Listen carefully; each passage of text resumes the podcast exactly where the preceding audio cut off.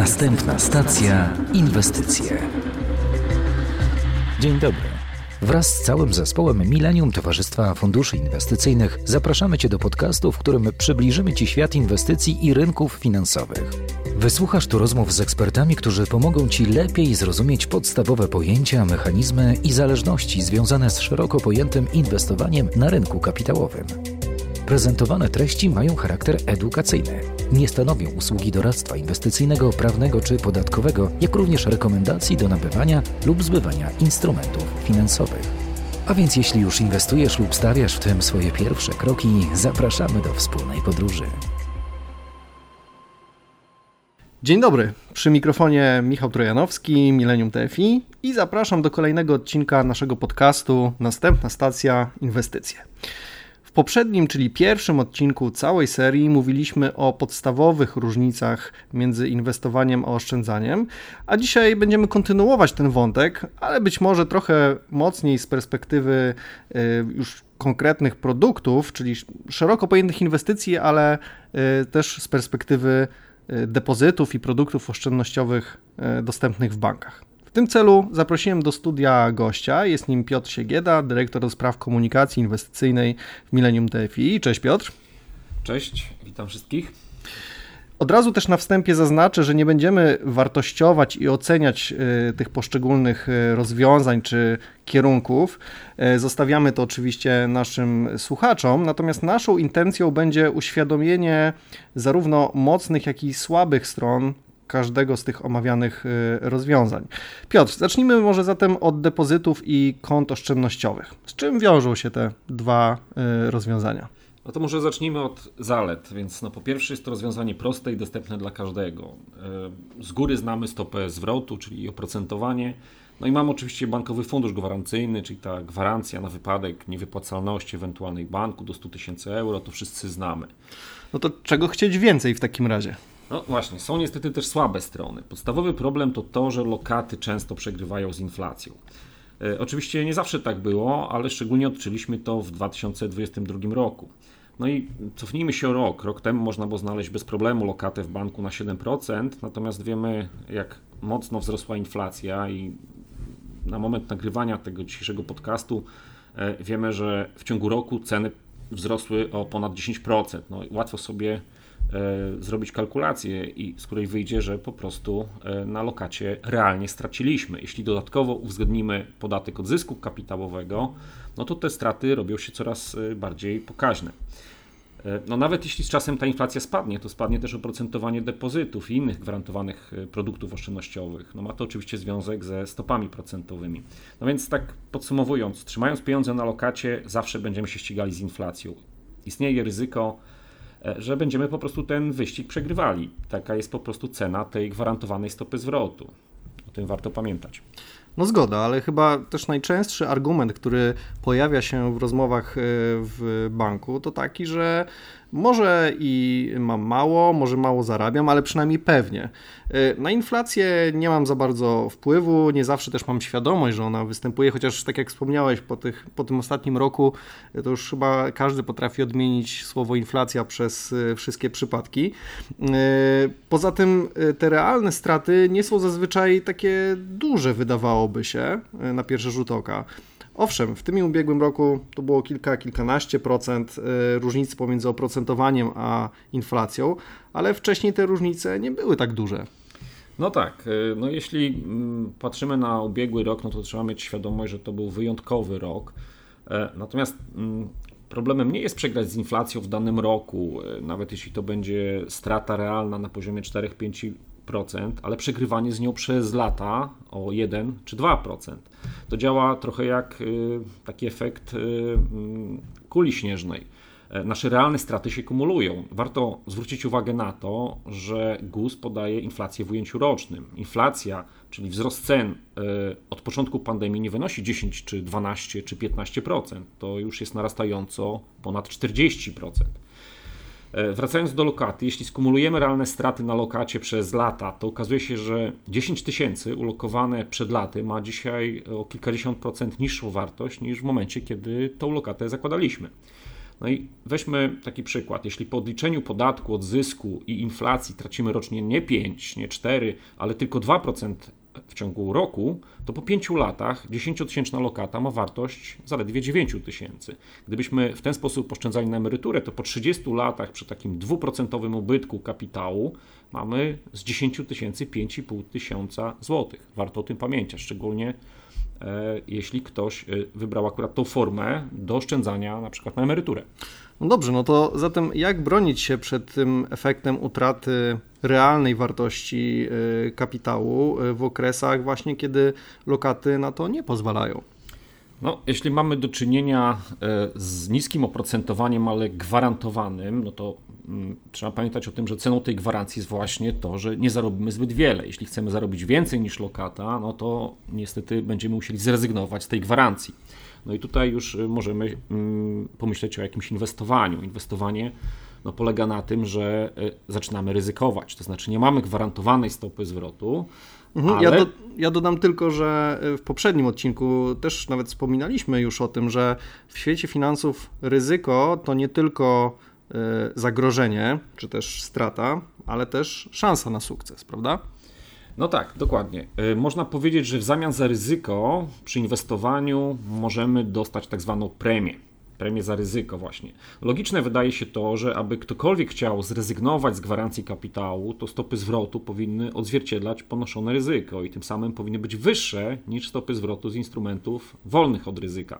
No i w rzeczywistości, jak sobie sprawdzimy wyniki historyczne, takie właśnie były.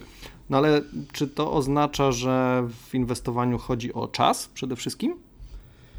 E, tak, czas jest kluczowym składnikiem w inwestowaniu. Czas trwania inwestycji e, jest na dłuższą metę ważniejszy niż wstrzelenie się w odpowiedni moment na rynku. E, czas to chyba najbardziej niedoceniany składnik inwestycji. Oczywiście to nie wyklucza kwestii tak zwanego szczęścia w krótkim okresie. No, można kupić coś w wyjątkowo sprzyjających okolicznościach, na tym szybko zarobić. Natomiast jeśli patrzymy na inwestowanie, to powinniśmy zawsze rozpatrywać to w kategoriach długoterminowych. No dobrze, to w takim razie od czego zacząć tą przygodę z inwestowaniem? Jak powinniśmy się do niego przygotować, czego unikać? No, zanim zaczniemy inwestować, warto się zastanowić, co jest naszym celem. E, jaki jest na przykład nasz horyzont inwestycyjny, mm, na jakie ryzyko jesteśmy gotowi e, się zgodzić. Wówczas powinniśmy się rozejrzeć wśród inwestycji, które spełniają nasze kryteria. Tutaj też ważnym kryterium jest na przykład płynność samej inwestycji. Czy jesteśmy w stanie e, inwestycje zamienić w miarę szybko na gotówkę, jeśli będzie nam potrzebna? No tak, to chyba pytania, które mało kto sobie e, zadaje, bo raczej zakładamy, że po prostu nie chcemy tracić, ale ile chcemy zarobić, to chyba jest właśnie to kluczowe pytanie, które e, rzadko się pojawia. No ale idźmy dalej w takim razie. No właśnie, no więc powinniśmy przede wszystkim gruntownie poznać w to, co zamierzamy e, zainwestować. Wiedza w tym zakresie jest niezbędna. Można powiedzieć, że mm, trudno sobie wyobrazić sytuację, kiedy wiemy za dużo. Nie warto inwestować tylko dlatego, że słyszeliśmy o jakiejś wspaniałej inwestycji, o jakichś bardzo wysokich stopach zwrotu, a szczególnie jeśli słyszymy o inwestycji bez ryzyka, bo takie po prostu nie istnieją.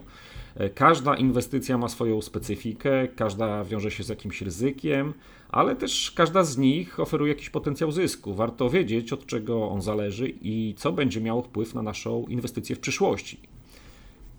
Zdecydowanie nie polecam inwestowania wyłącznie w oparciu o wyniki z przeszłości. Wiele osób decyduje się na inwestowanie tylko dlatego, że coś, na przykład akcje, złoto, dolary, nieruchomości, kryptowaluty właśnie mocno podrożały, a my czujemy, że coś, nam, coś nas ominęło. Też chcieliśmy zarobić, więc zaczynamy inwestować. Warto pamiętać, że wszystkie rynki są cykliczne i po kresach wzrostów po prostu pojawiają się gorsze momenty, często pojawiają się spadki. No i wówczas no, możemy na takiej inwestycji e, no, po prostu stracić, jeśli kupujemy zbyt drogo. Mhm. No tak, czyli rozsądek i podejście z taką chłodną głową wydaje się chyba lepsze niż takie pójście na skróty i na taki przysłowiowy y, żywioł. No faktycznie to brzmi logicznie, bo kiedy inwestujemy ze, ze względu na to, że coś mocno podrożało, no to nierzadko kupujemy po prostu y, historycznie drogo, tak? Aby jednak zarobić na inwestycji musimy coś kupić taniej, a sprzedać drożej. To też się wydaje logiczne. No tak, to wręcz banalne. E, z tym, że w okresach takich rynkowych euforii, e, które są właśnie wywołane takimi silnymi wzrostami, mało kto o tym pamięta. Właśnie wówczas, kiedy wydaje się, że ucieka nam e, pociąg z okazją, to to ryzyko inwestycyjne jest często największe. No i odwrotnie, pamiętamy czasy pandemii, kiedy wiele osób pozbywało się swoich inwestycji i zamieniało je na gotówkę, to właśnie wtedy były największe okazje inwestycyjne. E, to są też e, okresy, kiedy ryzyko inwestycyjne często jest najmniejsze. Tak po prostu funkcjonują rynki, od strachu do chciwości. Pierwszy pomaga tanio kupić, drugi drogo sprzedać. Niestety wiele osób postępuje dokładnie odwrotnie, no a wtedy trudno o satysfakcjonujące wyniki. Mhm, to zatrzymajmy się tutaj na chwilę, bo ta historia, którą mm, przytaczasz, e, no też trochę skłania mnie do tego, żebyśmy chyba rozgraniczyli inwestowanie od spekulowania, prawda? Tak, wiele osób stawia znak równości między inwestowaniem a spekulacją. E, są tam jednak no, istotne różnice. Spekulacja polega na osiągnięciu korzyści w krótkim terminie. Spekulant stara się, jak powiedziałeś, kupić z myślą o późniejszej sprzedaży z zyskiem, inwestor natomiast myśli o osiąganiu długoterminowych korzyści. No to skoro jesteśmy też przy korzyściach, e, to może to jest jakiś wyznacznik, determinant tego, jakie narzędzia wybrać, czy właśnie powinienem oszczędzać, czy inwestować. E, no tak, no tu oczywiście e, nie można e, rozstrzygnąć jednoznacznie, że oszczędzanie jest lepsze albo inwestowanie jest lepsze. Wszystko zależy od naszych celów, tak jak powiedziałeś. Jeśli mamy na przykład środki przeznaczone na jakiś konkretny cel do wydania za pół roku, za mhm. kilka miesięcy, no trudno wtedy sobie wyobrazić inwestowanie na przykład na rynku akcji. Gdzie... No tak, jeżeli potrzebuję konkretną kwotę w konkretnym terminie, tak. szczególnie w krótkim czasie, no to tak, zdecydowanie. Więc jeśli e, myślimy o ulokowaniu e, środków na dłuższy okres, no wtedy warto zastanowić się nad inwestowaniem. Ryzyko inwestycyjne zazwyczaj jest znacząco mniejsze w długim terminie. W krótkim terminie, no tutaj już bawimy się w pewną spekulację, o której mówiliśmy. Mhm. Dlatego no tutaj wszystko zależy oczywiście od naszych celów. No dobrze, czy w takim razie da się odpowiedzieć wprost na pytanie, mm, co jest lepsze, oszczędzanie na lokacie czy inwestowanie? No, moim zdaniem nie. To znaczy, tak jak powiedzieliśmy, yy, oszczędzanie ma swoje zalety. Znamy z góry stopę zwrotu, mamy gwarancje udzielone na przykład przez bank, E, mamy bankowy fundusz gwarancyjny. Mm, często wiele osób e, też e, jako swój priorytet stawia przede wszystkim to, żeby nie ubywała im choćby złotówka z tego ulokowanego kapitału i to jest ważniejsze niż osiągana stopa zwrotu.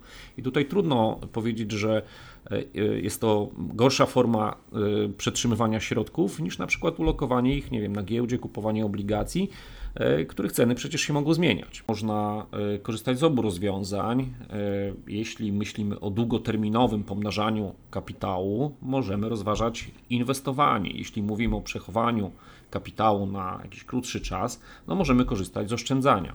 Mhm.